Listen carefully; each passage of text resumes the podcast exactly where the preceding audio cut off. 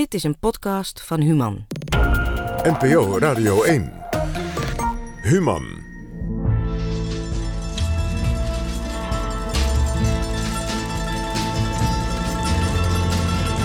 Brainwash Radio met Stefan Sanders. We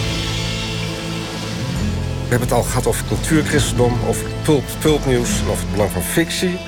En werkelijkheid, uh, aan mij de eer om nog een balletje op te werpen. Dat ga ik nu maar doen. Bekentenis, ik heb een verleden als een praktiserend humanist. Als student, 20-jarige, werkte ik bij Humanitas. Een vrijwilligersorganisatie. En ging schoonmaken bij uh, oudere mensen. En er was één mevrouw, was mijn lievelingsmevrouw. Die was, ik was 20. Voor mij was ze oud. 60 of 70. Ik bedoel, misschien wel 80. Ik, ik, dat zie je niet hè, als je 20 bent. Uh, en ze wilde helemaal niets weten van God. Maar ze wilde alles weten van kunst en leven. En dat was voor mij heerlijk, want ik hoefde eigenlijk maar zo'n heel beetje luchtig, zo'n beetje te stoffen of zo, met zo'n waaiertje. En dan zei ze altijd meteen: Ach, weet je, ik vind het veel gezellig. Kom je gewoon lekker zitten met thee en, en later zelfs wijn. En dan bespraken we dat leven. En zij heeft mij een hele belangrijke humanistische les geleerd. Dat ging zo. Uh, haar zuster, die al even oud was... nee, ouder was dan zij was. Die zuster was ouder dan zij was, zo moet ik het vertellen. Die kwam op bezoek. Die was dus ouder, maar ze had een veel, die zuster had een veel gladder gezicht. Veel minder krassen en veel minder rimpels. En toen zei mijn lievelingsmevrouw... de les is, blijf smeren. Ochtends, s'avonds, Nivea, de goedkoopste maakt niet uit. Want als je dat niet doet, dan word je net zo krakelé als, als ik. Lotfi al-Hamidi noemde terecht net dat we vroeger wel spraken van de joods-christelijke humanistische cultuur. En ik vind het jammer dat dat humanistische uit de trits is weggevallen. Want humanisme is volgens mij een rechtstreeks gevolg, vervolg op, op christelijke waarden, dan wel zonder godsbesef. Ik denk dat het verschil tussen westerse gelovigen en westerse niet-gelovigen praktisch gesproken veel kleiner is dan gedacht. Omdat er is zoiets als de menselijke maat.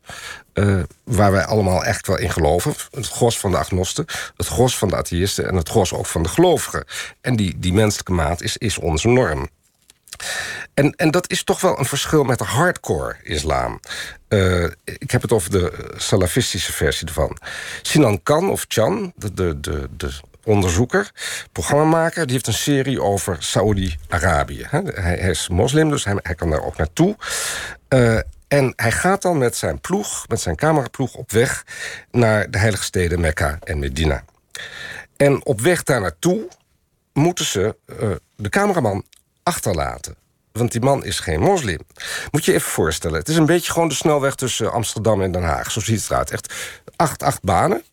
En je rijdt dus richting Mekka. En dan ineens boven de rechter twee banen staan een enorm groot bord. Noen moslims. Daar naartoe. Een afswieper, zo'n beetje in de woestijn. Ik weet eigenlijk niet waar je dan uitkomt, maar volgens mij kom je nooit meer terug. um, nou ja, dat, dat, dat dat is kennelijk gewoon in Saoedi-Arabië.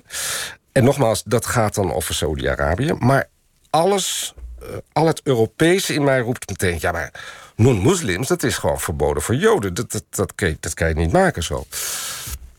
Uh, Joan Didion, de Amerikaanse schrijfster en essayiste... is nu 85 jaar oud. En de Groene Amsterdammer had laatst een special of haar. Joan Didion die doet al vanaf de jaren zestig... vertelt ze prachtige verhalen over haarzelf en over de wereld. En er is één specifieke zin van Joan Didion... die eigenlijk heel mooi bij deze uitzending past. En die is ook haar handelsmerk geworden. We tell ourselves stories in order to live. We vertellen verhalen aan elkaar, tegen elkaar... om überhaupt te kunnen leven. Zie ook trouwens Nia Weijers, wat je net vertelde... over de versoping van het nieuws.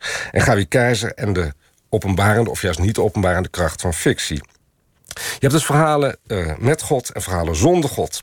Die laatste verhalen zonder God zijn in Nederland nu in de meerderheid. Maar humanisme en christendom zijn niet zo gemakkelijk te ontkoppelen. Hooguit zeggen we dat, uh, kan je zeggen dat de God van de christenen bij de humanisten is verinnerlijkt tot een geweten. Dat is natuurlijk ook een hele sterk normgevend iets. Die breuk is volgens mij niet zo hard als sommige humanisten en sommige christenen ook graag willen geloven. Ik vind zelf altijd een heel mooi voorbeeld de Duitse filosoof Ernst Bloch, 1885. 1977. Dat was een Joodse man, was marxist... en hij noemde zichzelf een atheïstisch theoloog. Wat natuurlijk prachtig is. Hè? Theoloog, dus of God nadenkt, maar wel atheïst. Dus hij gelooft niet in God. En het bekendste is dan natuurlijk die enorme bundel van hem. Dat principe Hoffnung, het principe van de hoop. Uh, waarin hij stelt, kijk, Freud, Sigmund Freud had het over het onbewuste. De verdrongen ervaringen uit het verleden. En dat je moet proberen die weer op te halen. Maar Blog stelt hij tegenover... er is ook een bewustzijn van het nog niet.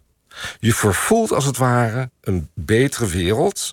en je handelt ook in die verwachting, in die utopische verwachting. Dat is het vervoelen van het nog net niet. Je kan zeggen dat is een utopie. Je kan ook zeggen dat is het koninkrijk gods... of het eeuwige leven, maar dan zonder God gedacht. Want Blog was geen gelovige. Ik heb uh, drie jaar dit programma mogen presenteren voor Human. Ik ben, uh, zoals misschien bekend, mezelf de laatste jaren gelovig gaan noemen. En toch ben ik ook nog steeds een humanist. Kan dat? Ja, ja kennelijk wel, want ik besta. Vloekt dat? Wringt dat? Praktisch gesproken veel minder dan wordt aangenomen. Want God schrijft bijvoorbeeld geen regeerakkoorden, althans, daar ga ik vanuit. En de Bijbel is nooit één op één te gebruiken als handleiding voor praktische politiek. Want daar zie ik net als humanisten, helemaal niets in. Dat was mijn balletje, aansluitend op, uh, op jouw verhaal, ja. Lotfi. Ja. Uh, ik, ik, nog even over die seculiere leegte, is natuurlijk altijd mooi. Uh, je kan natuurlijk, Lotfi, zeggen... de islam is veel zelfverzekerder hè, dan het christendom. Tegelijkertijd, misschien is het ook wel de, de kracht van het christendom... dat ze geleerd heeft mm -hmm. in 2000 jaar zwak te zijn. Dat zou je kunnen zeggen. Sommige mensen hebben daar problemen mee. Hè? Dat noemen ze dan een soort westerse zelfkastijding. Mm -hmm. Van uh, het is allemaal onze eigen schuld. En we geven... Ja, en andere culturen, culturen hebben dat niet. Hè? Annie Rande zei dat heel vaak. Hè? Zelfkritiek, dat is de grootste verhoorverheid van de westerse uh, beschaving. Surinaams-Nederlandse schrijver, ja. Ja, ja. en uh, nou had hij wel een punt. Dat is ook zo.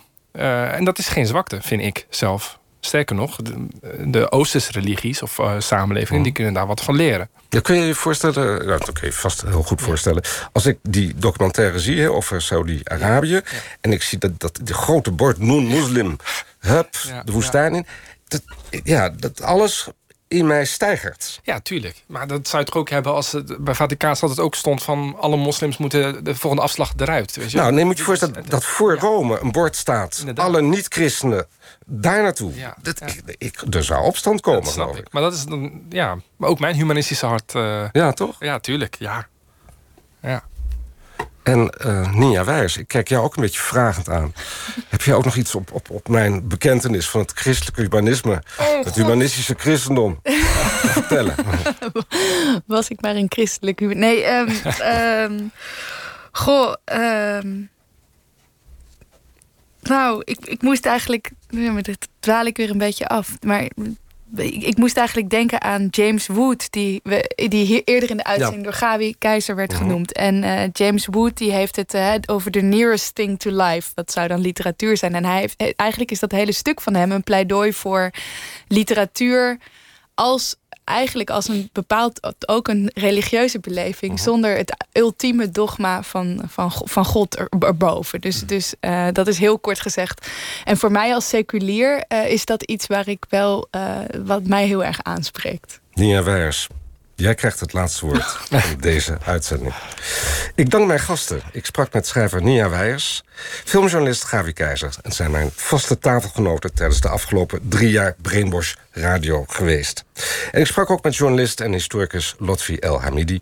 want die was hier meerdere keren al te gast en altijd met groot succes. Ja, dit was de laatste aflevering van Brainwash Radio.